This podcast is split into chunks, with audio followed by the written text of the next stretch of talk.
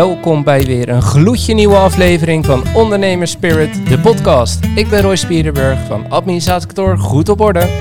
En ik ben Paul Tanenburg van Impactor uit Utrecht. We hebben vandaag weer leuke onderwerpen om te bespreken en uiteraard een heerlijke whisky. Ik moet zeggen, ik heb er zin in. Ik ook. Let's go! We gaan beginnen. Oh, we krijgen op ons kop van de voorzitter. Klopt dat ik de nieuwsbrief nog niet voorbij heb zien komen en nog niet op LinkedIn? Ai. Eerst, op, eerst opnemen, dan de nieuwsbrief. Ja, ik vind het wel een goede intro, want eh, zo kennen wij elkaar. Hè? Ja, van de uh, Leiderdorps Ondernemersvereniging. Zeker. En we zitten in een groepsapp en eh, ja, we krijgen op ons kop. Ja, dus Ja. we hebben helemaal geen tijd voor een podcast. Nee, Nou. maar eh, we gaan het toch doen. Nou, Ja, wel hè? dan beginnen we kort met mand. Dus we de vorige keer af. ja, precies. Dat is wel waar, ja. Nee, eh, we zitten hier bij eh Ruudboy Media. En eh, met Rudo. Welkom. Ja, dankjewel. Tenminste, welkom. We zitten bij jou, maar wel, welkom, welkom. Welkom in de podcast. En ehm, ik denk dat we, we stellen altijd eigenlijk de vraag van, joh, wie ben je, wat doe je in één minuut? En daarna gaan we het even over whisky hebben. En dan hebben we een goed glas om eh, over de onderneming te praten. Nou, in een minuut dat moet wel eh, lukken. Ik ben Rudo Slappendel, eigenaar van Rootboy Media, maar ook vader van eh, twee kinderen. India van 13 en Rumi, jongetje van 5. En ehm, eigenlijk al sinds mijn veertiende helemaal in de ban van, van media. En echt van mijn hobby mijn werk kunnen maken. Dus begonnen als vrijwilliger bij de, bij de radio. En nu, nou ja, jullie zijn de eerste die hier komen die zelf microfoons meenemen. Want die hebben, we- die hebben we hier normaal al. Ja, ja, ja. Eh, en we maken radio, televisie, internet. Maar daarbuiten hebben we nog een evenementen marketingbureau. en eh, vooral op de, in de regio's 071 en 070 zijn we, zijn we actief. Tof. Leuk. En dan, eh, dan gaan we denk ik over naar de whisky, Paul. Wat heb je meegenomen? Ja, ik heb een Eberlauer meegenomen. Ik heb ook even opgezocht hoe je het uitspreekt. Eberlauer dus. Kijk. Eh, en eh, dat betekent monding in de klaterstroom. Oké. Nou, dat klinkt alvast goed, toch? Dat, eh, ja, dat klinkt goed. ja, dat Dat, klinkt te poëtisch. Ben ik misschien heel dom, maar wat is een klaterstroom? Ja, wa- klaterend water. Ja, Toch? Ja, gewoon een kabbelend beekje. ja. Daar of misschien met een klein, een klein watervalletje zou je het misschien kunnen Dat, noemen. dat Ja. het valt, dat het ja, dat het een beetje klatert. valt. Ja, dat het klatert. Ja. Stromend water. Ja. Nou, Zie je het niet al gelijk dat frisse water zo klater weer op de geleerd. stenen en dan... eh, ja, nee. Nee, zie je nee, niet voor sorry je. man. ja. ja, daar wordt deze whisky dus gemaakt. En eh, dit is de Eberlauer eh 14 Double Cask. Eh, en dat betekent dat hij op twee vaten heeft. Ik weet eigenlijk niet hoe, eh, hoe kenner jij bent, eh Rudo. Nou, ik wilde net zeggen, heeft Roy jou ingelicht? Nou, hij heeft alleen gezegd dat je niet een voorkeur had voor een bepaalde whisky. Dus dat we zelf iets mochten uitzoeken. Ja, Roy heeft niet verteld dat ik nog nooit whisky op heb. Oh, oh. Ik heb Lekker niet man. verteld waarom die geen voorkeur had. nee. Nee, Oh. nou, ik had wel... Ja, Kijk, zo bij, bij, de wij dus voor. bij, bij de radio is het wel dat ze zeggen je moet sigaren roken en whisky drinken. Want hoe meer je rookt, hoe meer whisky je drinkt, hoe lager je stem wordt. En dat is voor mensen bij de radio. Je hebt van die DJ's die, Ja. eh, die praten zo. Dus ik had misschien iets meer whisky moeten drinken. Ja. Nou, maar misschien eh, dan na vandaag. Dat, je dan over een ook- uur, dat over of aan het eind van deze podcast ook opeens een hele lage stem heb. Ja, precies. Dan, doe, dan doe jij de afkondiging met een soort candlelight. eh. Ja, ja. nee, ja. Dus dan, die Daar heb je dan de rest voor. van je carrière profijt van. Ja, laten we, laten we beginnen. Nee, dus ik ben, ik ben totaal geen kenner. Nee. Nou, nou, mooi. Dan gaan we het gewoon eh, eh, proberen. Eh, de Eberlauer 14, nou, dubbelkast betekent dat hij op twee verschillende vaten heeft gelegen. En dat is in dit geval eh eh bourbonvaten, eh, waar de meeste whiskies op hebben gerijpt. En ook nog een beetje sherryvaten. Mijn favoriet. Ja, voor mij eigenlijk ook wel. En waarom? Eh, ik, ik ga sowieso heel goed op kleur. En van sherryvaten krijgt hij vaak een beetje eh, wat, wat rodige koperkleur. En eh, het wordt ook vaak wat, wat, wat zoeter, de whisky. Dus hij geeft net even wat, wat, wat zachtere afdronk. En Dat, dat komt vaak vanuit, in dit geval, Oloroso vaten volgens mij bij deze. Dus Ja, zo goed heb ik ook weer niet eh, gekeken. Kijken of het toevallig op de fles staat. Oloroso. Ja, volgens mij zijn het Oloroso er sherry, sherry, sherry, ook. sherryvaten. Staat er alleen. Dus vandaar. Ja, dat is het. Ja. Maar eh, je ziet hier een mooi glas voor je staan met het eh, prachtige logo. Dus ik zou zeggen, eh, pak hem. En eh, als je hem op hebt, mag je hem houden. Want dat, eh, dat is natuurlijk een stukje, stukje marketing voor de podcast, hè Ruud? Dat snap je natuurlijk wel. kijk, er staat gewoon echt ondernemerspirit. De podcast eh, staat erop. Precies. Ja, hoe, hoe, hoe drink ik dit? Ja, eh, dus, nou, is goed, want we hebben dus een boekje waar we altijd even de, de proefnotities eh, in opnemen. Dus dan eh, doorlopen we het gelijk. Het eerste wat je doet is even naar de kleur kijken. En dan, hè, ze kunnen heel licht zijn, bijna wit. Dat is deze duidelijk niet. En ze kunnen heel donkerbruin zijn, dat is deze ook niet. Zit er een beetje tussenin. Wat Roy net al zei. Nou, nee, koper misschien niet, maar een Nou, beetje iets amber, geelbruin. Amber. Eh, dus eh, dat kan je dan al iets zeggen over wat, eh, misschien waar hij op gerijpen heeft, maar daar hebben we het nu over gehad. Staat ook op de fles. Ehm, dan eh, ruiken. Maar als je er nooit op hebt, dan zul je waarschijnlijk vooral eh sterke en alcohol ruiken. Ja, dat, dat ruik je, ja. ja. Wat dan wel grappig is, als je, als je het glas zeg maar, van je linker naar je rechterneus gaat, haalt, dat je andere dingen ruikt. Ik weet nog steeds niet waarom, maar dat is hoe het werkt. Ja, Roy is de, de, de geurkenner, dus die kan dan zeggen wat hij nog meer ruikt, behalve alcohol. Thanks. Nou, ik zit wel heel erg op de... ehm, ehm, hoe heet dat? Zo- zoethout? Heet dat zo Zoethout? vroeger? Ja. Oh. Beetje toffee, zoethout, die, eh, die hoek. Ja, nou, toffee, dat uh, zoethout associatie hebben we doen hier. Karamel. Nee? Maar die toffee karamel wel meer. Nou, hij ruikt sowieso zoet, dat, eh, dat ruik ik wel. Ja, wel, Zoetig, ja.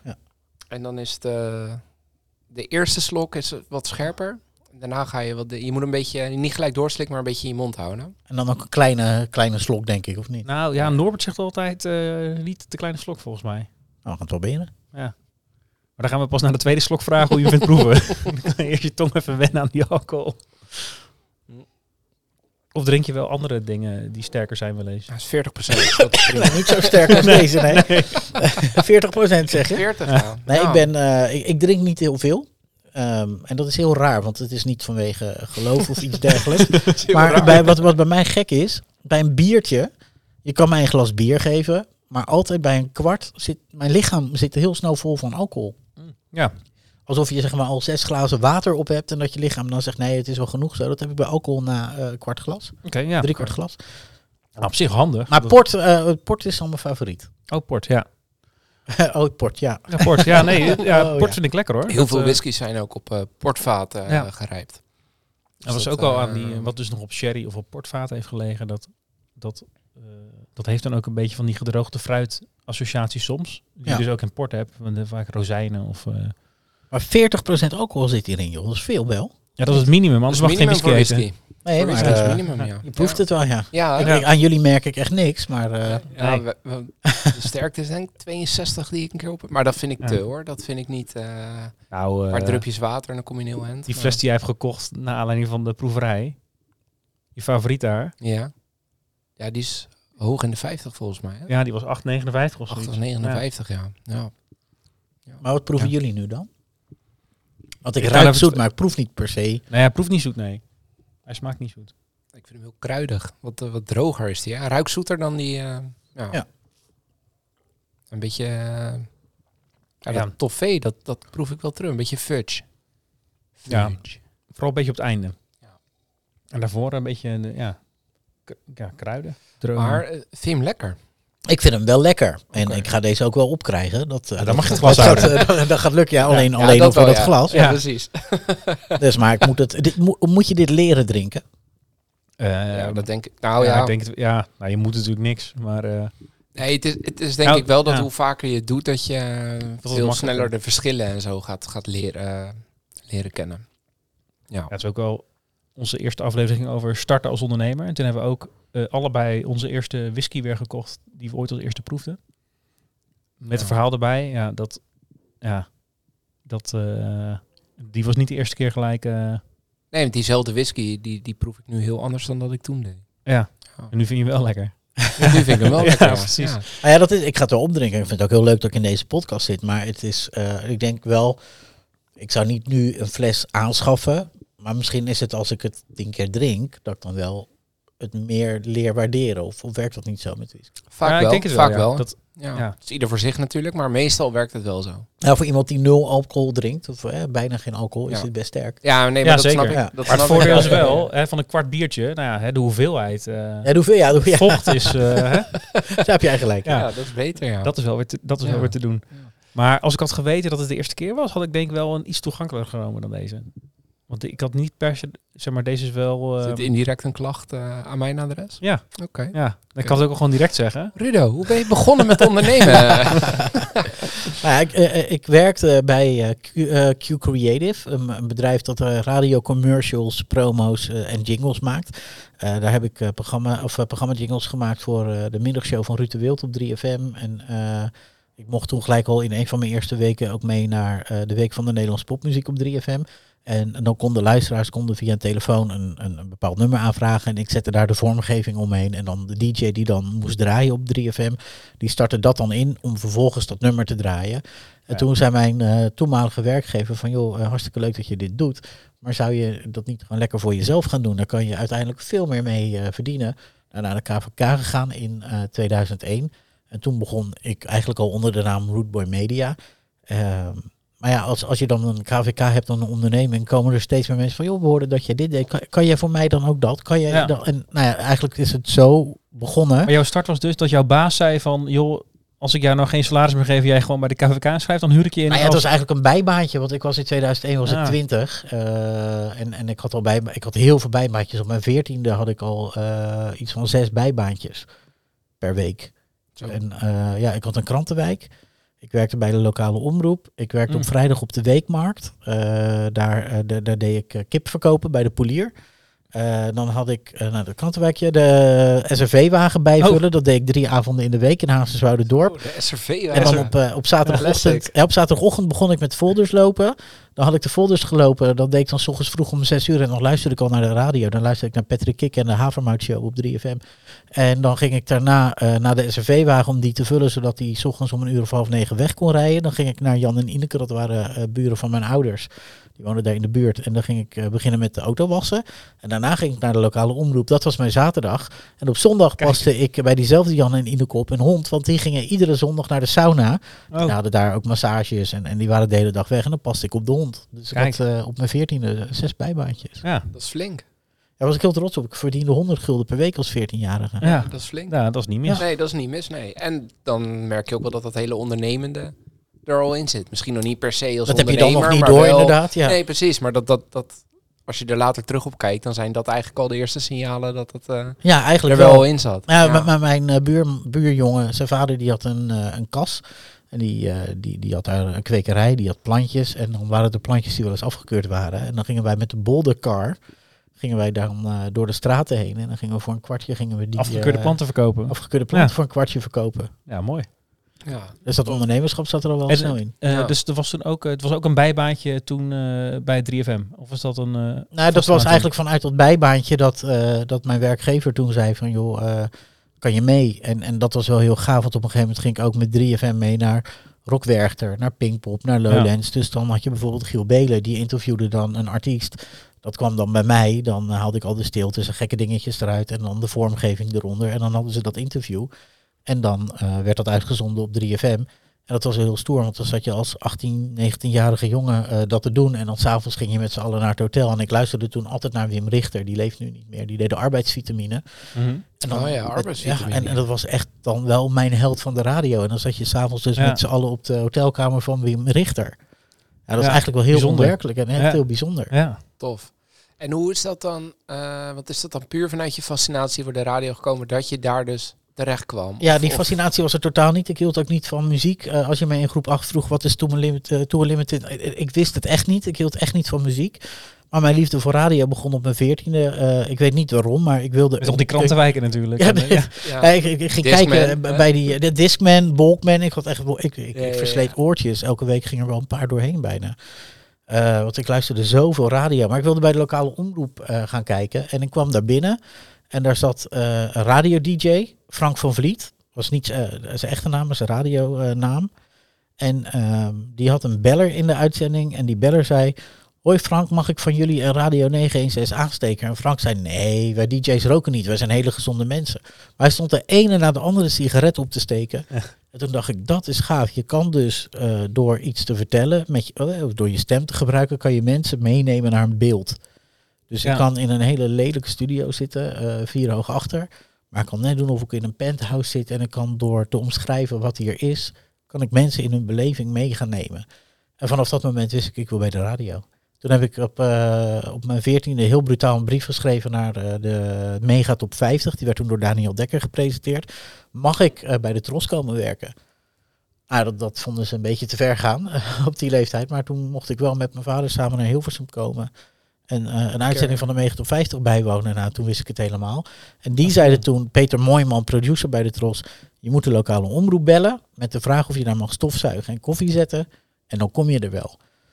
Nou, vervolgens heb ik in 1996 op mijn veertiende uh, dus die lokale omroep gebeld met de vraag mag ik komen koffie zetten en stofzuigen. Daar ben ik Dat heel mocht. lang mee gepest. Ja, ja, ja, ja. ja. Hij is wel goud. dat Ja. snap heel, ik. veel, heel veel koffie eh, gezet. En uiteindelijk eh, kwam ik bij 3FM terecht. Eh, ook als, als DJ ben ik ooit Peter Mooijman nog tegengekomen. Inmiddels hè, leeft hij dan niet meer. Dat heb ik al gezegd. Wist hij dat van, eh, nee, hij wist het niet meer. Maar ik vond het wel heel gaaf dat ik hem toen kon vertellen dat ik, eh, dat ik er wel zat. Ja, en eh want even terug naar... eh, mensen zeggen vaak, je moet nooit je held ontmoeten. Maar je hebt dan met je held eh, op de hotelkamer gezeten na Pinkpop. Ja. ja Moet je wel je held ontmoeten of niet? Eh, nou ja, eh, ja, ik denk het wel. En, en, en misschien soms ook niet, want het zijn ook maar gewoon mensen. Ja, Dus eh, ja. je komt En ook dat is vaak, en die status vervalt dan een beetje. En dan zijn het gewoon mensen. Nou ja, dat is het, hetzelfde als dat jij van iemand eh, weet van, oh wauw, en, en, en, en eigenlijk je gaat toch iemand een beetje verheerlijken in je hoofd. Ja, rijdt hij gewoon in een open Corsa. Ja, Ja. Dat valt dan toch een beetje tegen als je eigenlijk denkt dat hij in een Lamborghini rijdt Ja. of, of dat hij in een heel groot vrijstandhuis heeft. Want je gaat een beeld maken bij iemand. Ja, als hij het beeld in die studio eh, Ja, schetst van het Kan penthouse en maar wat je ook net niet. zei. Ja. Ja. Nou ja, als ik, eh, eh, hoe vaak ik wel niet hoor. Nu, nu met radio is dat heel anders. hè. Vroeger bij radio was radio nog radio. Nu tegenwoordig bij ons in de studio Ja, ook hangen die camera. camera's erbij. Hoe vaak ik wel niet eh, mensen heb gehad die, als ze mij dan gingen omschrijven, zeiden: Ja, jij bent 1 meter eh 86, eh, blank en, en, en, en, en krullend haar. En dan kom je van een koude kermis thuis als je iemand van 1 meter 66 met een eh, donkere huidskleur en, eh, Zonder krullen. En, en, Ja. en niet het slanke figuur eh, wat, je, wat je denkt. Maar op stem, eh, ja, je gaat toch in eerste instantie op stem af. Ja. Ja, je maakt een beeld van de stem. Ja. Hoe, eh, Hey, en, hoe- ja. en hoe is dat nu? dan? Want dat, dat is eigenlijk je fascinatie voor, voor radio eigenlijk. Maar eh, je ziet wel wereldwijd een hele tendens naar beeld, beeld, beeld. Alles is beeld. Eh, we zitten nu in een podcast en volgens mij is een paar weken geleden ook weer bekend geworden. Er gaat wat veranderen in podcastwereld. Want eh, Spotify gaat ook de optie bieden bijvoorbeeld om beeld daarbij eh, uit te gaan zenden. Dus mensen zijn heel erg gefocust daarop. Maar dan dat hele romantische wat je eigenlijk net vertelde, waarom je daarvoor zo gefascineerd voor bent, verdwijnt dan wel een beetje. ja, greenscreen en dan... eh, Ja, Ja, dat- ja, dat- ja, dat- ja, ja, ja, ja, nou, precies. Maar Nou ja, dat gedeelte, dat, dat verdwijnt wel. Maar dat ja, moet ik wel zeggen, toen, toen ik daarmee startte was het 1996. Dus eh, als je ook kijkt naar het radiolandschap nu met hoeveel commerciële zenders je hebt. Je hebt publieke zenders, commerciële zenders, maar je hebt publiek lokaal, publiek regionaal, publiek landelijk. Ehm, commercieel lokaal, commercieel regionaal, commercieel landelijk. Er is zoveel aanwas. Vroeger luisterde iedereen naar Radio 1, naar eh, 3FM, naar Radio 2. En, en op een gegeven moment kwam Radio 10 er geloof ik bij. ja, Dus ehm, als er wat op de radio gezegd werd, iedereen hoorde het wel. Het hele land Ja. wist wat er was, eh, was gezegd. ja. Dus het, ja, het hele landschap is gewoon veranderd. net is een minder prominente plek voor het medium radio. Eh, ja, ja, Dus nou meer ja, in de wordt- combi waarschijnlijk. Nou ja, Ja. Kijk, via DAB Plus kan je natuurlijk al veel meer kanalen ontvangen. Ja. Eh, je, je, kan opeens ook buitenlandse zenders eh, luisteren als je wilt. Maar nog steeds ook hier, wat we, wat we bij, de omroep, eh, bij mijn omroep doen, Unity.nu. Het, het, je je kan wel impact maken. En dat, dat vind ik wel heel gaaf. En op welke manier bedoel je dat impact maken? Nou ja, toch als je bepaalde uitzendingen maakt. Of, ik, ik presenteer ook een televisieprogramma, Straatalkshow Rudo, waarbij ik eh, eigenlijk eh, gewoon op mensen afloop met een draaiende camera. En, en, en soms heb je eh, geen leuk verhaal. Soms loop je op iemand af en, en sta je echt eh piesje bijna in je broek van het lachen. Ja. Maar er is ook wel een keer iemand, een oude, oudere vrouw, staat een ijsje te eten. Ik zeg, en hoe gaat het met u? En die zegt, nou, ik zal blij zijn als ik morgen niet meer opsta. Ja, dan moet je zo schakelen. En als dat in één uitzending dus van blijdschap naar emotie gaat, ja, dat vind ik zo onwijs gaaf. En dat maakt wel impact. Want als ik in de regio Leiden op straat loop. Genoeg er zijn momenten dat je gewoon eh, in een uurtijd zes, zeven keer wordt aangesproken door mensen die zeggen, joh, wat je toen deed, of wat die gast, wat was dat gaaf? Of Ja. eh, ik doe bijna iedere week heb ik ook wel de groentevrouw van de markt in Leiden. Eh, die is heel uitgesproken en dan hoor ik wel, "Ah, dat wijf moet je niet meer in je uitzending doen. ja. Of uh, anderen vinden het fantastisch die fantastisch. zending. Ja, Ja, ja. en- en dan denk ik, ja, mensen zien je wel. Ja, Je kent ze eigenlijk helemaal niet, maar doordat je dus elke keer, en dat, dat heb je ook met jullie podcast, doordat je elke keer, in, op, in, in geval van tv, bij mensen echt in hun huiskamer komt, je bent onderdeel. Dat heeft Henk Bres, ik weet niet of jullie die nog kennen. Wie? Henk Brest, die dikke kale Hagenees Ja, ja, die vroeger in het lagerhuis eh, zat. En Ja. daar was ik het eh, management van. Eh, deden wij vanuit hier. Eh, maar op een gegeven moment kwam ik zelf steeds vaker op radio en op tv. En toen zei ik ook, ja, ik vind het zo raar dat, dat, dat mensen dan ehm, tegen mij beginnen te praten. En dat ik dan denk van, eh, ja, maar ik ken jou helemaal niet. Toen zei die Rudo, je moet je vanaf nu beseffen dat als iemand je aanspreekt, jij was bij hun thuis. Dus diegene die zat Ja. naar tv te kijken met zijn gezin, of misschien in zijn onderbroek, of zat koffie te drinken, zat met een groepje. En jij was in hun huiskamer en je zat erbij toen dat gebeurde. Dus als iemand dat 1, 2, 3, 4 of misschien wel vaker eh, met jou heeft meegemaakt, ben je onderdeel, want je was de gast in zijn huis. Ja. En eh, vanaf toen snapte ik dat wel. Want ik vond het maar raar als ik boodschappen ging doen bij de Albert Heijn in Winkelhof. Dat iemand dan zei, hey Rudo, was je microfoon? Ja, ja. Ja, ja, ja. Of, want jij eh, kent die mensen niet, maar ik ze ken kennen, jou, ze kennen niet. jou allemaal Ja. wel. Ja, en dat. Die, die impact merkte ik eh, bij TV West, waar ik ook radio- en tv-programma's gemaakt had ook. Dit keer op televisie mijn borsthaar zien. En op dat moment ben ik daar helemaal niet mee bezig, want ik ben een programma aan het maken. En ik Ja, heb ja. het superleuk op het moment met de mensen die daar dan zitten. En ik loop 's middags ook weer in de supermarkt en iemand zegt tegen mij van, eh, zo lekker veel borsthaar heb jij. Maar dat is heel raar als iemand dat tegen je zegt. Ja, naar beneden kijken nooit heb- shit. nog nooit heb Ja. gezien. Heb ik een shirt aan? Ja, ja, wel, ja. oh shit. Maar dat is ook wel weer heel dankbaar. Ja. Ja. ja, het is wel grappig inderdaad, want je, je, mm, eh, jij doet misschien wel eh, een paar van die items per dag, dus dan weet je een paar weken later weet je niet meer precies waar je was. Maar Nee, voor ja, die dat- mensen was ja. jij de interviewer die langskwam bij hun thuis met draaiende camera of met eh, microfoons, weet ik wat allemaal. Dat Ja, maakt ja, heel veel verhalen impact. blijf je ook wel bij. Maar soms denk ik, echt, ja, ik, ik weet het niet meer. Maar ja, ja, als iedereen moet Maar je onthouden. moet wel heel veel, heel veel schakelen. Want je neemt zo'n, zo'n eh, wat je net zei, dat je zes, zeven items hebt als je door Leiden loopt. Dat neem je allemaal op één dag op. Nou, het programma duurt, eh, het, het programma Rudo duurt ongeveer een kwartier, twintig minuten. Ja. Nou, we, we- we draaien nog geen half uur. Want ik eh, heb eigenlijk, dat is wel grappig, ik draai dit programma al heel lang met een vaste cameravrouw, Brigitte Disseldorp. Die, eh, die, die weet gewoon, ik moet Rudo volgen. Dus ik loop met mijn camera en ik probeer altijd te scannen van, oké, die wil wel, die wil niet. Eh 9 van de 10 keer heb ik het goed. En dan zeg ik tegen Brigitte, draai je nu. En dan, Ja. dan zet zij die camera aan en dan loop ik erop af. En dan zeg ik, lekker weertje. Of wat kijkt u blij? Of, of en dan zeggen ze men- mensen, wat, nou, ik wil niet. En dan, oh, waarom niet? Nou, voor Ja. je het weet heb je wel een... Heb je eh, toch ja, een ja. item. Ja. Ja. ja, ja, want ik voel me vandaag toch niet zo heel erg lekker. Het is niet zo leuk wat er is gebeurd. Oh, wat is er gebeurd dan? Kijk, als iemand echt niet wil, en dat gebeurt ook wel eens na afloop van een gesprek, dus dan ben je drie, vier minuten verder en dan zeg maar ik wil niet dat het op tv komt. Ja, shit. Ja, ja, ja, ja, maar dat doe ik dan Ja. niet. Weet je, als eh, mensen die willen, willen ze niet. En Nee. eh, willen ze wel. Ja, sommige mensen komen ook speciaal, die weten dan dat we op de markt in Leiden opnemen. Ik ga speciaal naar de Die markt. komen er naartoe omdat ze weten hoe laat we er ongeveer zijn. Ja, ja. En dan Ja. zegt Sandy, de groentevrouw, dan ook, oh, er was vanmorgen om tien uur al iemand. Ik, eh, Die vroeg iemand, waar is Rudo? Ja, is, komt, komt hij al? Ja, Ik heb nog een goed verhaal bewaard voor hem. Ja, wat leuk is, dat heb ik dan in de regio Leiden en, en tegenwoordig ook een beetje in de regio Den Haag. Maar voor de rest, ja, ik eh, kan prima overal over straat. Ja. Ja. En wat vind jij nou een, eh, een belangrijke eigenschap voor jou als, als ondernemer? Want ik, ik hoor in al je verhalen dat je heel veel moet schakelen, dat je heel veel dingen doet. Als ik ook kijk bij, bij Rootboy, dan presenteren jullie jezelf eigenlijk als, als ja, het complete mediabedrijf. Eh, en als het onderaan de streep ook nog ondertiteld moet worden, kan dat ook nog volgens Ja. mij. kan ook. Wat, wat, wat onze kracht is, is dat we eh, luisteren vooral naar wat de klant nodig heeft. En, en eigenlijk niks is te gek. Dus eh, als, als jij een wens hebt of jij iets heel graag wil, dan kom ik eerst naar je toe. En ik ben een beelddenker, dus als jij een evenement wil, dan laat je eerst gewoon lekker tegen me praten. Maar terwijl je aan het praten bent, ben ik al aan het denken, oh dan kunnen we dit, dan kunnen we dat. En ik zie het, eh, als het een evenement is, zie ik het ook groeien. Of als jij een bedrijfsvideo wil en je vertelt wat je wil, dan zie ik al voor me hoe het filmpje moet worden. Als ik dat niet zie, eh, kan ik net zo goed zeggen van, joh, we zijn niet de juiste partij voor jou, want ik moet het echt voor me zien. En het klinkt heel gek, maar we hebben ook eh, voor de gemeente Den Haag de Haagse Vrijwilligersprijzen gedaan. Echt een hele grote productie met 40 man personeel op, op, tijdens de uitzending, want het was een talkshow. En dan eh, zit de, de contactpersoon bij de gemeente dat te vertellen. En dan zie ik al helemaal voor me hoe het podium eruit moet gaan zien, welke decorstukken er staan, eh, hoe de leaders, hoe de vormgeving. En dan denk ik, ja, we gaan doen. En, eh, en, en dat, dat gaat eigenlijk altijd goed dan. En als je het niet ziet, zeg je dan ook nee? Ik heb een paar keer dan gezegd, oh ja, dat is goed, dat doen we. Maar dan werd het hele moeizame trajecten. Omdat je in dat eerste traject al dacht van nou, ik Van zie het nog niet, nou, maar we, we zien moeten, ja, dat zal wel goed, ja, laten we het maar gaan doen. Maar ik weet nu, de laatste jaren doe ik dat gewoon eigenlijk helemaal niet meer. Of ik zeg van, nou, wat, wat je nu zegt, dat, als we nou die, die aanpassing maken, wat vind je er dan van? Ehm, een jaar geleden, precies een jaar geleden, deden we de uitreiking van de landelijke vrijwilligersprijzen. En die wilde heel graag een talkshow. Want het was met corona en ik ja, gaan we weer. Weet je, iedereen wilde een talkshow in coronatijd. Dat was voor Ja. Rootboy Media echt super. We hebben nog nooit zo'n goed jaar gedraaid als 2020. Ja.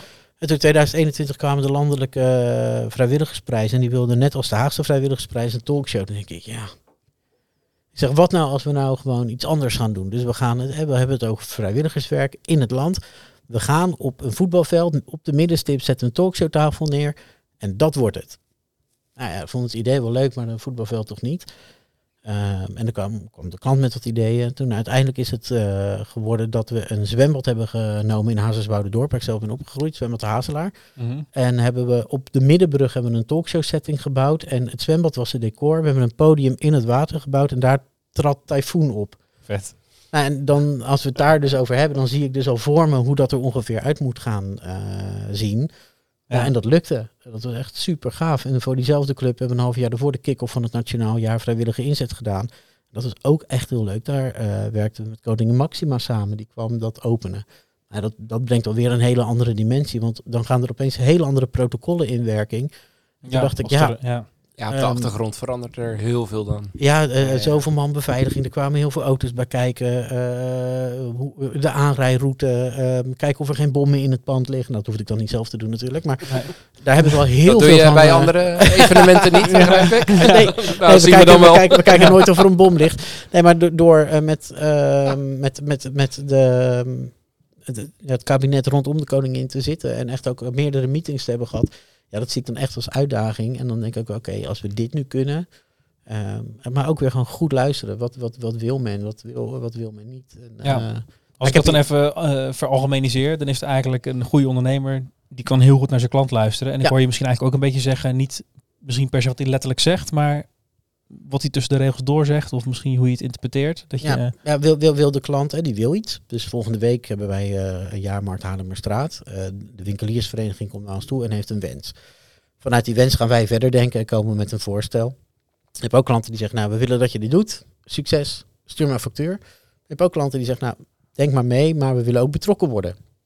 Nou, ik denk dat, dat de sleutel gewoon is, luister heel goed wat je klant nodig hebt, heeft. En, en probeer, eh, en dat, dat, dat geldt denk ik voor heel veel branches, je klant is heel vaak niet creatief. Die wil wat, maar die weet eigenlijk niet hoe. En, ehm, En ze hebben alleen hun eigen kaders natuurlijk van hoe je Ja. elke dag werkt. En dat is, dat is ook het oplossingsframe vaak van. ja, eh, ja, van de ja, we willen een filmpje. Ja, maar Ja. Wat, wat is dan je doel met dat filmpje? Wat, eh, we- je wil een filmpje. Ja, dat is leuk voor onze website. Oké. Ja, eh, ik heb naar je website gekeken, maar misschien moet je eerst een keer je website gewoon goed gaan aanpassen. Want zometeen heb je een filmpje. Dat staat op een website en die website is helemaal niet op orde. Oh ja, ja, ja, nou, zegt. Dus dan gaan we eerst naar die website kijken. moet Ja. dan wel kloppen natuurlijk. Nou ja, en, dat weet ik nog wel vanuit het begin van het bedrijf. Hadden we een, een, een, een eh, organisatie die wilde dan adverteren bij Unity. En die, die wilde dan promoten eh, dat je naar hun website moest. En toen hebben we ook gezegd, ja, toen deden wij websites nog niet. Ja, ik zou toch eerst gaan investeren in de website. En, eh, want nu ga je reclame maken voor iets dat als mensen erop komen, wat niet op orde is. Ja. Dus eh, ook eh, ja, dus ook, ook gewoon soms tegen mensen of tegen klanten zeggen van joh, misschien moet je eerst even wat andere stappen nemen. En gewoon die eerlijkheid opzoeken. We gaan liever, en, en dat klinkt als een cliché, eh, iets, we gaan liever voor die langere eh, relatie en, en een evenement zes, zeven, acht keer voor iemand organiseren, dan dat je het één keer doet en de klant er eigenlijk klaar mee is. Ja. Ja. Nou ja, cliché. De meeste clichés zijn waar, toch? Ja, nou ja, dat is, eh, eh, ja. dat is wel waar, ja. Uiteindelijk word je er denk ik als bedrijf eh, beter van. En dat herken ik in mijn business ook wel. Ik krijg ook wel eens vragen dat ik denk, ja, kan het wel, kan het niet. Ik kan nu ja zeggen, kan ik een leuke factuur sturen, maar eigenlijk moet je het niet doen. Nee. Dan, dan uiteindelijk merk je toch dat ze... En dat, dat duurt soms een jaar, soms een maand, maar uiteindelijk komen ze dan wel terug en dan bouwen een jarenlange relatie met iemand op. Nou ja, ik Eh, denk dat dat die eerlijkheid heel, eh, heel belangrijk is. En dat, dat is wel wat ik hier eh, ook wel vind en ook wel het team probeer mee te geven. Ja. Heb je voor jouw gevoel eh, de, de veel verschillende petten op? Want ik hoor je nu, dit is eigenlijk echt een, als een soort van eh, marketingbureau die van alles doet, websites bouwen, meedenkt eh, daarover, maar ook evenementen organiseren. En ondertussen heb je radio en tv, zenders die je vult met eh, content. Ja, dat, dat klinkt natuurlijk heel breed en, en dat is het ook, want we doen heel veel. Maar als je het plat slaat naar één zin, alles waarvoor jij bekendheid nodig hebt, kun je naar ons toe komen.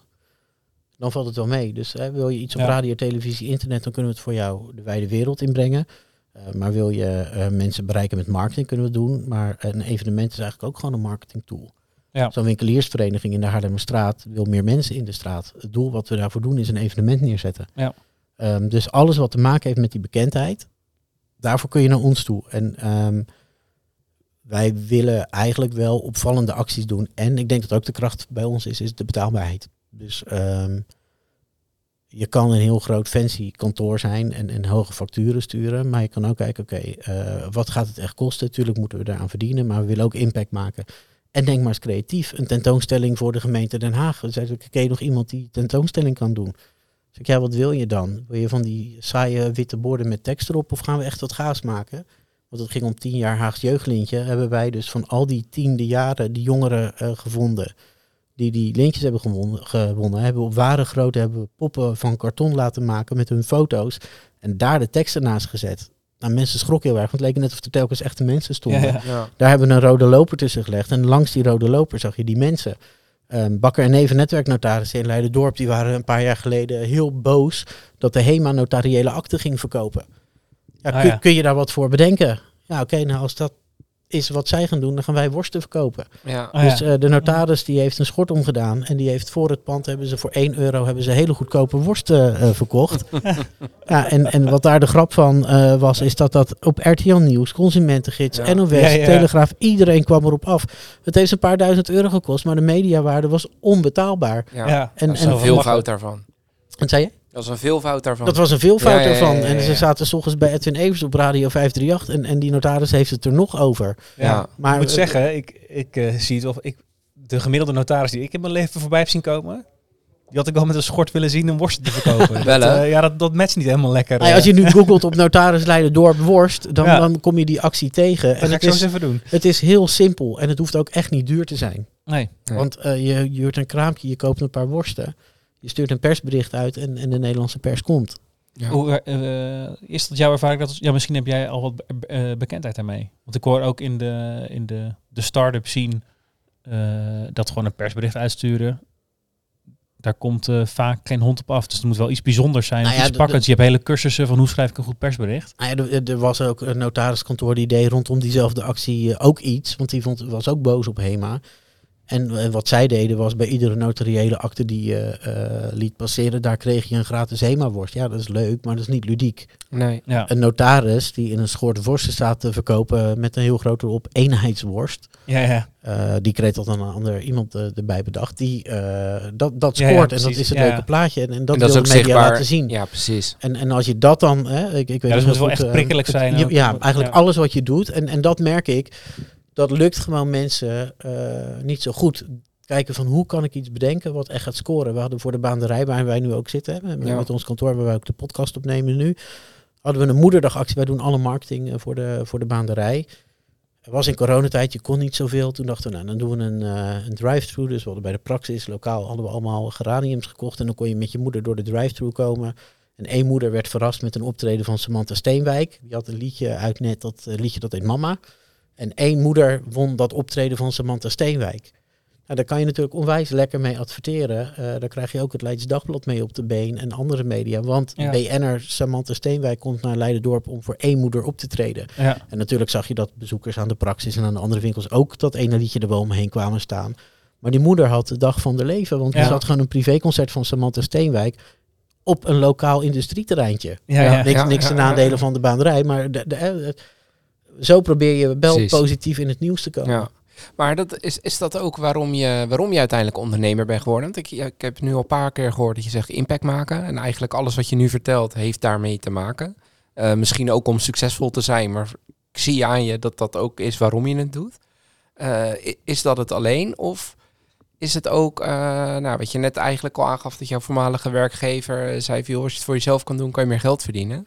Wat volgens mij tegenwoordig gewoon wegpromoveren heet. Maar we laten je even in, de, in je waan. Ja, ja. Nee, maar Nou, is dat ook belangrijk voor je? Of, of gaat het echt puur om... Ja? Ehm, ja, ik heb geld altijd wel belangrijk gevonden. Eh, in die zin dat ik na een paar jaar ondernemen, en ik had een compagnon sinds 2020, doe ik het alleen in mijn BV, eh, dat ik wel op een gegeven moment dacht van, hé, hey, we doen heel veel, maar er blijft eigenlijk per maand niet zo heel veel over. Ik verdien niet, niet wat ik eigenlijk zou willen verdienen. Daar heb ik toen wel mee rondgelopen. Beetje van, ja, hoe, hoe ga ik dat nou veranderen? Hoe ga ik dat nou anders doen? Eh, nou, uiteindelijk dan voor mijn, eh, mijn compagnon wilde zelf wat anders gaan doen. Dus eh, nou, de, de BV opgezet. En eigenlijk veel meer vanuit die passie gaan ondernemen. En toen kwamen er wat projectleidersopdrachten bij. Ehm, toen kwamen er, eigenlijk door corona kwam ook kwam de gemeente Den Haag bij ons. En toen zag ik dat de opdrachtgevers ook steeds groter werden. Hè, Lokaal is hartstikke leuk. En, en, en eh, ik kan nog steeds blij worden als iemand zegt... ik wil voor 100 euro per week een banner bij Unity op de website... en doe maar twee weken. Ja. Hè, want als iemand dan blij is, vind ik dat ook heel gaaf. Maar als Ja. wij een heel groot evenement neerzetten... eh, waar een jaarmarkt Leiden-dorp er 10, 20.000 bezoekers op afkomen... dan kan ik daar ook super trots op zijn. Ik eh, zal straks een foto laten zien dat we... De jaarmarkt in Leiden-dorp deden het eerste jaar... en dat het de hele Statendaalderplein vol stond... eh, voor een optreden van O'Gene... Want ja, O'Gene was nog nooit in Leiden-dorp geweest. En zo vaak komen er geen bekende artiesten hier. Ja, Ja. dat, dat, dat is dan een Krijg je dan toch voor elkaar? Ja, dat krijg je dan toch voor elkaar. En als je Ja. dan, al is een, een, een opdracht van een ton of een opdracht van 100 euro, gewoon als, als, als iedereen er blij mee is en je jezelf kan bewijzen, daar word ik heel blij van. Maar aan het eind van de dag, als ik nu zie ehm, wat ik daarmee verdien, ben ik echt wel heel blij en ben ik ook trots op. Maar ik weet ook dat het morgen weer voorbij kan zijn, Ja. als ik even niet oplet. Ja, je moet wel blijvend mee innoveren. Ja. Want zeker medialandschap. Dat en het is niet vanzelfsprekend. En mensen zeggen Hoe ook wel eens tegen me, nou, dat, dat, ehm, het gaat nu goed. Mhm. En, en daar ben ik heel blij mee. Maar ik, kan nu niet achterover gaan zitten en denken, nou, voor de komende jaren eh, Ja, zit zitten te we wel geramd. ja. En, en dat, dat vind ik wel lastig. Ehm, dat heel vaak mensen ook wel zeggen van, ja, maar jou is wel aankomen waaien. Ja. Ja, eh, nee, je ziet alleen de dingen die nu goed gaan. En lang niet alles gaat nu goed. En dan heb ik ook mijn eigen problemen. En ook in het verleden. Ehm, en, en, maar dat, dat eh, is wel echt knuppel in het hoenderhok gooien. Ik, ik merk ook dat mijn, eh, mijn kleur ook wel tegen zit. Oké. In het ondernemerschap. Ik moet mezelf eh, harder bewijzen dan een eh, blank iemand. Dat, dat je ervaar je dat aan? Dat ervaar ik en ik, ik heb daar echt wel meerdere voorbeelden eh, van. Er was eh, sowieso om ergens binnen te komen is al lastiger. Ja. Maar het, het- uiteindelijk werkt het in de positiviteit. Hè? Want ehm, mensen begin, je, begint eigenlijk met een achterstand. Dus je komt via iemand binnen of, of uiteindelijk kom verwachten het niet. binnen. Is Ze dat, eh, verwachten het niet ja. inderdaad. Ja. En dan denken ze, nou, het zal wel. Ik heb ooit echt één keer een klant gehad die achter mijn rug om naar een locatie belde. Of ze foto's wilde sturen, want ze waren er niet gerust op dat eind van de dag er echt een gaaf decor klaar stond. Oké, ja. En eh, wat wij doen is dan, eh, wij zorgen niet alleen dat het decor klaar staat en dat er echt een gaaf productie staat. Wij zorgen er ook nog eens een keertje voor dat iedereen die die avond er is te eten krijgt. En eh, ook mee kan eten met de crew catering, noem maar op. Dus dat er echt iets gaaf staat. Dus eh, ehm, ze verwachten eigenlijk nog niet zo heel veel. ja. Dan is het evenement daar, dan is het eigenlijk wat je normaal zou verwachten, dat is er maar nog beter. Maar Ja. doordat ze heel slecht hadden verwacht, kan je eigenlijk niet meer stuk. ja. Eh, Jij maar hebt een hele betekent- extreme variant van eh under promise over deliver. Ja, eigenlijk wel. Ja, nou ja, eigenlijk wel. En, en, en die, die discriminatie heb ik in mijn leven heel vaak meegemaakt. Ik woonde in een klein dorpje in Hazenswoude. En ik Ja. ging dan op zaterdag naar die radiozender fietsen. Ja. Ja. En dan ging ik in Benthuizen ging ik naar eh, Plus Verhul. Laten we zijn naam zeker nog een paar keer noemen. Maar dan, dan, dan liep ik daar in een, eh, in een pad. En op een gegeven moment, na een paar maanden, viel het me op. Iedere keer in ieder pad waar ik stond, stond die man dus ook. Oh. Om me in de gaten te houden. En ehm, vervolgens eh, ging ik naar een ander pad. Op een gegeven moment werd het een soort van spelletje. Ja, ja. Nou, eens kijken. Als je het Nou, door hebt, dan... Kijk, eh, hoe lang ja, niet door en, nou ja, en eh, dat, hij bleef mij dus gewoon maar achtervolgen. En toen dacht ik, hé, dat is ook raar. ja, Ja. dat is heel raar. En, en, heeft eh, iedere zaterdag anderhalf uur op de broodafdeling staan. ja. Nee, maar dat ik, ik heb het ook een keer bij Albert Heijn Excel in Rijswijk gehad. Eh, er stond een eh, blanke man van een jaar of 50 met een wit papieren hoedje op zijn hoofd achter de vleesafdeling. Bij die Excel Albert Heijns heb je natuurlijk eh, heb je de wat luxere vlees. ja, een Oh, soort ja. versbeleving en eh, dus dat soort eh, dingen. Ja. ik vraag aan die man en ik was gewoon uit mijn werk en ik had een hoodie aan. En ik zeg van joh, waar ligt het? eh, wat is nou een beetje het meest malste stukje biefstuk? En hij draait zich om en hij zegt het, het, het vlees van uw budget ligt daar. En hij wijst gewoon naar die vitrine. Serieus? Nee, joh. in de- ja, nou, ja, dan, Ah. dan kan je maar alles vertellen, maar het heeft wel te maken met hoe ik eruit zie. Ja, Ja. zeker. Eh, Ja. Of een keer de HEMA binnenkomen in Zoetermeer en het alarm gaat af terwijl er een mevrouw naar buiten loopt. En die mevrouw mag doorlopen en ik moet mee naar achter. ja. Terwijl je de winkel inkomt. En ik kwam de winkel in. Wauw. Ja, ik heb er wel eens over nagedacht om die verhalen te bundelen, want ik heb Ja. zoveel daarin eh, in meegemaakt. Maar ik denk wel dat eh, mijn drang om het te bewijzen daar wel eh, ook vandaan komt. zeggen, En heeft het, je ook, heeft het je ook gevormd? Ja, ook. Ja, Eh, en aan de ene kant eh, vind ik het heel jammer dat gebeurt. Aan de andere kant interesseert het me ook eigenlijk helemaal niks. Ik kan er niet van, eh, van wakker liggen. Maar ik vind het wel heel gaaf dat... ehm, en nu- nu ook de jaarmarkt Haarlemmer Straat komt eraan. Wij zijn geen klassiek, eh, klassiek bedrijf wat markten organiseert. Dat zijn echt een beetje de rouwdouwers. En die zetten een marktkraam neer. En alsjeblieft, ga maar staan. geef je geld, dan gaan we weer weg. ja, En nu ook wat wij dan doen is, we pakken dat dus vanuit het evenementenbureau aan. Maar wij zorgen dus ook dat die, die eh, marktstandhouders, die kunnen de hele dag door bij een kraampje koffie komen halen. Het is een, een markt die tot acht uur s avonds duurt. En voor iedereen hebben we dan een portie macaroni klaarstaan die ze om zes uur op kunnen halen. Nou, we krijgen zoveel leuke reacties van Marco-lui. hè. We, Ja. we vragen wel misschien wat meer staageld. Maar ze zeggen, we hebben dat nog beter nooit, eh, nog nooit meegemaakt dat we de hele dag koffie kunnen halen. En, en, en laat staan avondeten. Dit vinden we zo fijn. ja. Ja, En dan denk ik, ja, als ik nu volgend jaar weer Jaarmarkt Leiden-Dorp ga organiseren, zijn dit ook de standhouders die waarschijnlijk zeggen, zet me bij jullie maar neer. ja Doe precies. maar. Ja. Ja. Mag nog Ja, iets terug wat ik heel ja. intrigerend vond. Dus dat je, je, hè, je hebt veel eh, racisme en discriminatie meegemaakt. Ja.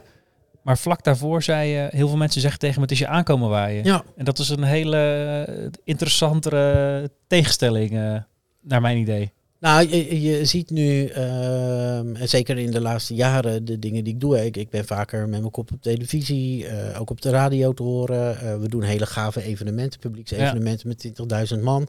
Dus de allereerste keer dat we een Jaarmarkt Leiden-Dorp doen, is keihard werken. Maar het enige wat mensen zien, is een succesvolle markt met zoveel duizenden bezoekers. Ja, precies. Ja. dat Er je zijn misschien ook andere hard, eh, mensen die die opmerkingen maken. Ja, Dat, mensen eh, van buitenaf die, die Ja. eigenlijk alleen maar je successen eh, Ja. zien. Nou, ik was een tijd geleden was ik heel ziek, had ik een zware longontsteking, lag ik in het ziekenhuis. Eh, dan had ik een foto, die was niet heel eh florissant, maar die heb ik wel bewust ook online gezet. Ook Ja. om te laten zien van eh, jongens, eh, het gaat nu even niet goed met me. Ja. Ook was een keer, dat is jaren geleden, ik heb uh, reuma en psoriasis, daar heb ik vrij heftige medicatie voor. Heb ik ook een foto van die spuit online gezet die ik iedere week moet prikken. Ook om maar te laten zien, jongens. Eigenlijk moet ik iedere vrijdag gewoon thuis zijn, omdat ik dan bijwerkingen heb van mijn medicijnen. Ehm, dat doe ik niet altijd, omdat ik het gewoon veel te leuk vind wat ik allemaal doe. Ik ben echt mijn hobby aan het uitoefenen hier Ja. elke dag. Maar eh, ik wil dan ook soms wel eens de kanten laten zien. En ook soms foto's van mijn kinderen, dat we leuke dingen aan het doen zijn. En, en toch werkt dat ook, want dan hoor ik ook van klanten van... joh, ik zie ook dat je nog... eh, ik dacht altijd dat jij alleen maar aan het werk was. Maar je Ja. doet volgens mij best wel veel eh, leuke dingen ook. Ja, ja. Echt Maar- met die beeldvorming. Ja, Ja. maar ben je dan heel bewust bezig met die beeldvorming om ook te laten zien... Iedere jongens, foto, ieder ding wat ik plaats is doelbewust. Ja, ja, ja. ja. Oké. Ja. Want vaak, dat, dat is toch wel een beetje het, het hele vibe rondom social media. Is eigenlijk waarom er zoveel eh, depressieve mensen zijn eh, tot de 30, zeg maar. Omdat ze allemaal denken dat anderen het veel beter hebben dan zij. Omdat die hele negatieve kant, die zie je niet. Die plaatsen mensen niet op Instagram. En eh, die zien alleen maar eh als alleen ze een de nieuwe foto's, auto hebben, maar dat ze ja. vier keer zijn ontslagen. Daar, daar, daar plaatst niemand wat over. Nee, nee, daar- daar inderdaad. En dan Ja. ja. ja, het is je aankomen waaien. En, en, Ja. Maar ik Ja. denk dat dat ook wel voor, voor veel ondernemers geldt. Ik herken ook wel. En het is niet per se dat ze echt tegen je gaan, maar gewoon even zo'n tussen neus en lippen door opmerking op een verjaardag. Of dat mensen zeggen, ja, maar jij hebt makkelijk lullen.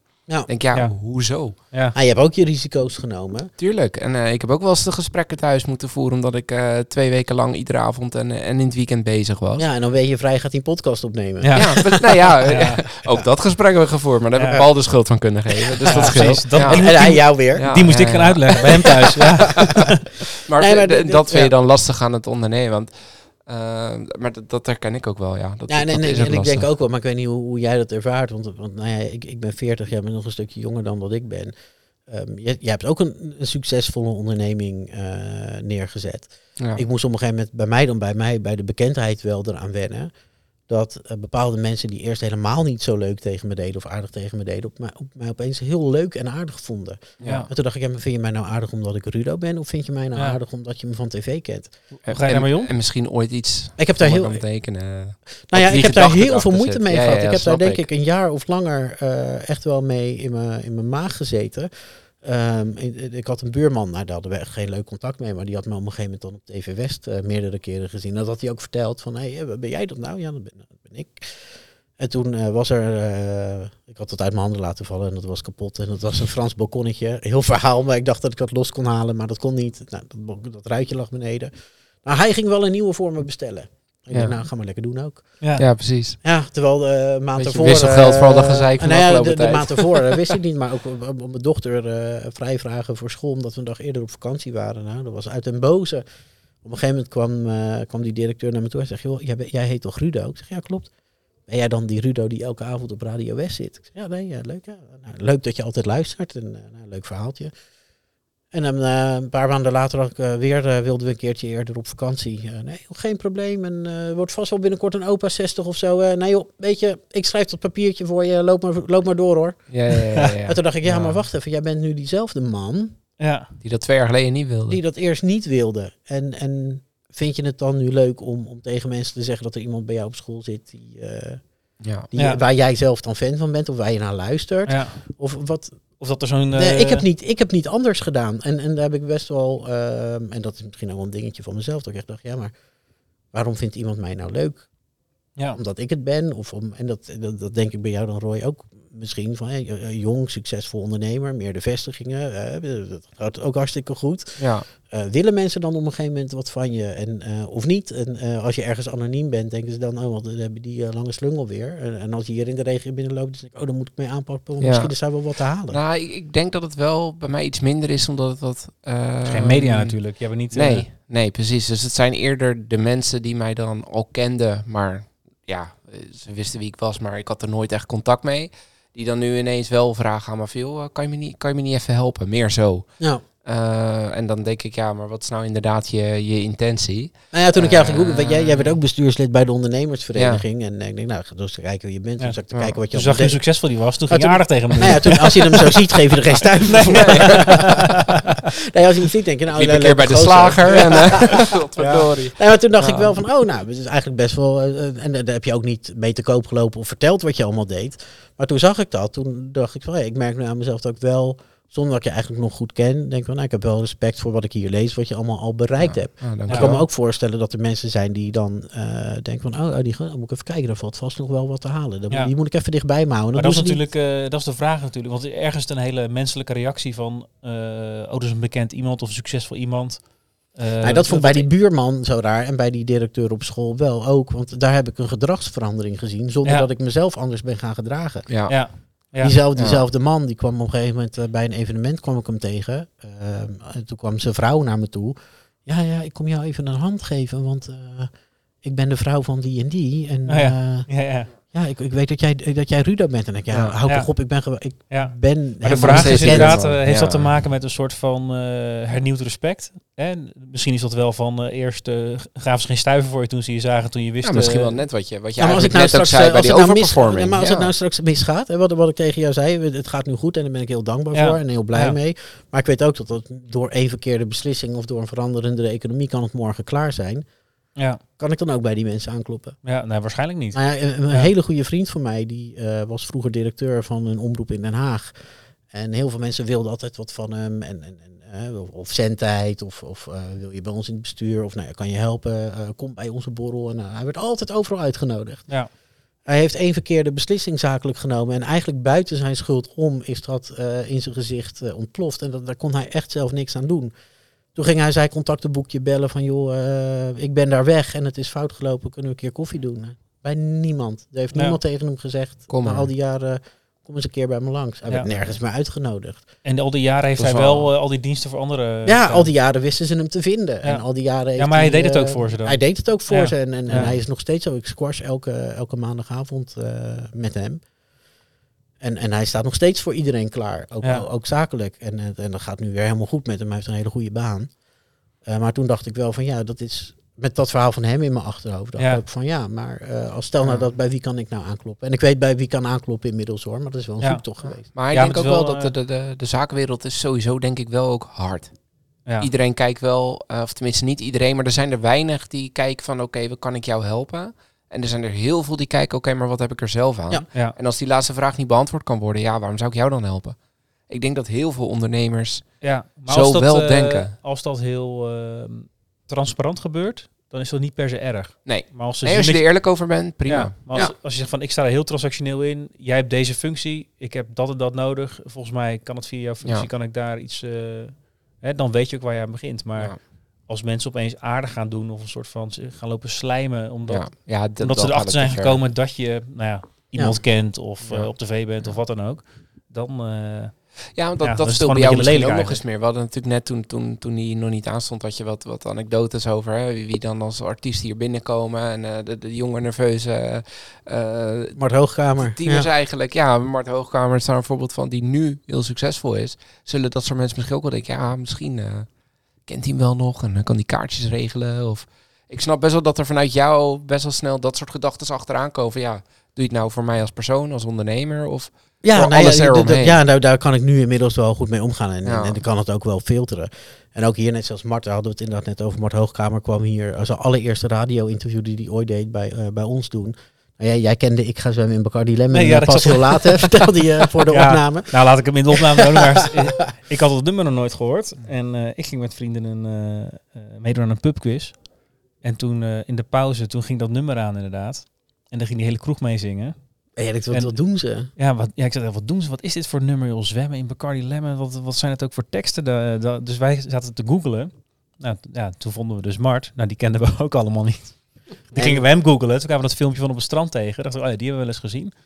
Maar ja, dat, eh, dat was mijn kennismaking met, dat, eh, met het nummer en met Mart. Ja, Mart kwam hier als eerste over de vloer. En ik, ik kan dat nog steeds. En, en, en ondanks dat we heel veel dingen meemaken hier van Gerard Joling die vloggend binnenkwam. ehm, eh, René Vroger, eh, Frans Bauer, Monique Smit. Ze komen hier allemaal regelmatig over de vloer.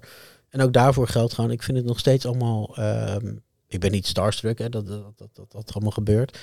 Maar ik vind het wel heel bijzonder dat iets wat ik eh, twintig jaar geleden heb bedacht... En, en mijn passie voor, voor radio dat dat soort art- artiesten het wel de moeite vinden om voor onze doelgroep hierheen te komen. En als ik dan dus op straat loop en mensen komen naar me toe omdat ze me kennen van Unity, dan ben ik niet eens zozeer blij dat ze mij als persoon herkennen, maar dat ze die omroep hebben weten te vinden. En dat die artiesten, eh, die kunnen naar iedere omroep in Nederland, maar toch vinden ze het belangrijk om naar Unity NL te komen. Ja, Frans Bauer, die, die, die was hier vorige week. Daar heb ik eh, best wel een tijdje mee nog, eh, nog zitten praten. Eh, René Leblanc, die kennen we natuurlijk ook allemaal van If I Tell You That I Love You. Die, die, Ja. die kwam hier ook voor een interview. Daar hebben we ook echt Elmar en ik, mijn collega Elmar en ik, heel lang mee zitten praten. Die is helemaal niet zoals die wordt neergezet eh, op televisie bij SBS. Dat is gewoon echt wel een man die precies weet wat hij aan het doen is. En die arrogantie die je op tv ziet, eh, nou, daar merk je echt niks van als je met Nee. hem spreekt. Maar is dat dan iets wat door de media wordt neergezet? Of is het ook een personage die hij aanneemt omdat hij denkt dat hij daarmee kan bereiken Nou, wat hij wil bereiken? Kijk, je monteert in, in, in, in, in dit geval wordt er natuurlijk een, een montage. Ze, ze volgen zo iemand de hele dag zo'n Mhm. beetje. En ze weten precies wat ze moeten monteren. Als ik dan kijk naar het verhaal van René Leblanc, eh, die maakt soms een grapje. En dat kan, hè, dat, dat kan je heel mooi monteren. Alsof hij echt denkt dat er een vliegtuig laag overvliegt omdat ze René Leblanc zien. Maar dat was gewoon een grapje wat hij maakt. Eh, vervolgens heb ik er ook met hem over gehad. Van ja, René, eh, ondanks dat ehm, is dit ook wel het programma wat jou hier succes heeft gebracht, wat je nodig had. Dus zo hoe ze je hebben geframed, kan twee kanten op werken. Kijk, Ja. Rutger van Barneveld van Helena, die, die, die komt ook regelmatig hier. Eh, die werd een beetje neergezet als het kneusje. Maar ja, door dat programma heeft hij wel wel zijn baan eh, op kunnen zeggen en dit kunnen doen. René Leblanc stond bij ons op het bevrijdingsplein in Leiden eh, te zingen. Zijn optreden was klaar. Hij heeft nog drie kwartier alleen maar foto's met fans staan maken. Terwijl hij was al jaren bezig met door te willen breken als volkszanger. En dat is nooit gelukt. Hij had het ook helemaal niet nodig qua, qua geld. Want hij heeft gewoon altijd eh, prima banen eh, gehad. En, Maar hij vond gewoon dat zingen heel erg leuk. En, en Ja. het idee om volkszanger te zijn vond hij heel leuk. ja. En dat is nu wel gelukt. Dus hoe ze hem neer hebben gezet, eh, is niet wie die echt is. Maar hij heeft wel zijn succes gebracht. En dat, dat beseft hij ook wel. Ja. Ja. En, Ja, dat, en en als dat- je daar dan mee om kan gaan, dan, dan is dat ook prima, denk ik. Ja, en ik vind het wel heel leuk dat als wij met Unity wat doen, dat dat soort gasten eh, zeggen van joh, als je weer een keer wat hebt, bel ons maar hoor, wij komen wel optreden voor jullie. Ja. ja. Ja, leuk. En dat is Ja. ook met Mart, die hier zijn allereerste radio-interview eh, heeft. Als er wat gebeurt rondom Mart, eh, nou, we, we- we hebben zo nauw contact met hem. Hij zal altijd voor Unity klaarstaan. Tof. Ja. En als we het over succes hebben, Ruudboy Media over tien jaar. Waar sta je dan? Ik denk nog steeds onze kracht. Ik zeg altijd, het is niet alleen eh, media marketing evenementen. Onze kracht is ook gewoon de regio's waarin we zitten. Regio 070, regio 071. Ja, ik hoop dat we dan nog steeds gewoon eh, heel veel gave mediaproducties maken. En, en, en dat eh, het publiek ons nog meer kent echt van, van gave evenementen, publieksevenementen die we doen. Ik was bij Parkpop afgelopen weekend. En toen heb ik al gezegd, dat lijkt me nog heel gaaf om een keer zo'n groot evenement neer te zetten als dit. Ja. Dat is een soort van, meer- het is niet een soort van droom. Ik wil ook nog, eh, nog zes regio's erbij. Of eh, Nee, landelijk nee, worden. nee, of, eh, nee, helemaal niet. Kijk, Root- als ik... rootpop. eh, als, eh root, ja, Rootpop. Ja, nee, als ik ooit weer, ik heb ehm, in het verleden ook landelijk radio gepresenteerd. Ik heb op 3FM gepresenteerd. Ik heb echt, echt heel kort maar op eh, Q Music ook eh, radioprogramma's gepresenteerd. Het is niet meer een ambitie van me. Kijk, als het op, een, op mijn pad zou komen, zou ik het zeker eh, weer met beide handen aangrijpen. Ehm, maar mijn kracht zit, ik ken deze regio. Ik kan niet dit concept één op één kopiëren naar een andere regio. Want ik ken Amersfoort niet, ik ken Groningen niet. Dus mijn kracht is 070, daar woon ik. Ja. En 071, want daar eh, werk ik. Dus de dromen zitten eigenlijk zitten daaraan gekoppeld. De grote evenementen Ja, die passen bij DNA van Rootboy of van Unity. Dus niet eens zozeer dit, dit, dit hele bedrijf keer tien, maar gewoon echt iets, iets heel vets, noemenwaardigs neerzetten waar, Ja, waar, dingen waar neerzetten mensen waarvan over je... tien jaar nog over hebben. Mensen zeggen ook heel vaak, ja, jij werkt zoveel en zulke lange dagen. Ja, klopt. Ik was eh, vanmorgen om eh, een uurtje of zes hier op kantoor. Het is nu denk ik een uurtje of negen, s'avonds. Ja, ik heb nog steeds heel veel energie, want ik Ja. vind het gewoon allemaal heel gaaf wat ik, eh, wat ik mag doen en Ja. wat ik kan doen. En als je dan mensen hoort die met tegenzin naar hun werk toe gaan, ja, dan snap ik Ja. dat een werkdag van acht uur Ja. eh, langer aanvoelt dan dat mijn werkdag nu aangevoeld heeft. Ja, ja, en ik denk dat dat ook wel maakt dat je het als ondernemer vol blijft houden. Ja, Want ja iedere want anders hou je ondernemer... het niet lang vol. Nee, je moet doen wat je leuk vindt, want anders dan, eh, dan gaan er te veel uren naartoe. zeg. Ja, en, en lekker de mensen om je heen meekrijgen en ook eh, de, je potentiële klanten meekrijgen. Dat, dat waar we het in het begin over hadden. Ik wil dingen voor me zien. eh probeer die anderen dat ook in te laten zien. En als je het dan gedaan hebt, dat ze zeggen, ja, maar dit willen we volgend jaar weer. En dan nog groter. En dat is maar één iemand met wie we dat willen doen. En dat ben jij. Ja. Ja. Heb je ook een, eh, een, een- voorbeeld als ondernemer? Of misschien als mediapersoonlijkheid? Of zeg maar, is er iemand waarvan je denkt van... nou, Ja, ik, ik weet niet of hij iets weet. Ik heb hem ooit een keer te gast gehad in mijn eh, eigen programma op Radio West, West Business Radio. Dat is eh, Peter Boelhouder, van DB Activiteiten. Dat is een onderneming in Den Haag. Ehm, hij organiseert de Royal Christmas Fair, maar hij mag ook altijd de Haagse intocht van Sinterklaas organiseren. En de Haagse, ik weet niet of jullie de intocht van Sinterklaas in Den Haag kennen. Dat, Nee. dat is in de haven. Daar staat een heel groot podium. Daar staan Ernst en Bobby dan op te zingen. Eh er staan duizenden kinderen. En dan komt de boot met Sinterklaas komt aan. Dan komt Sinterklaas vanaf.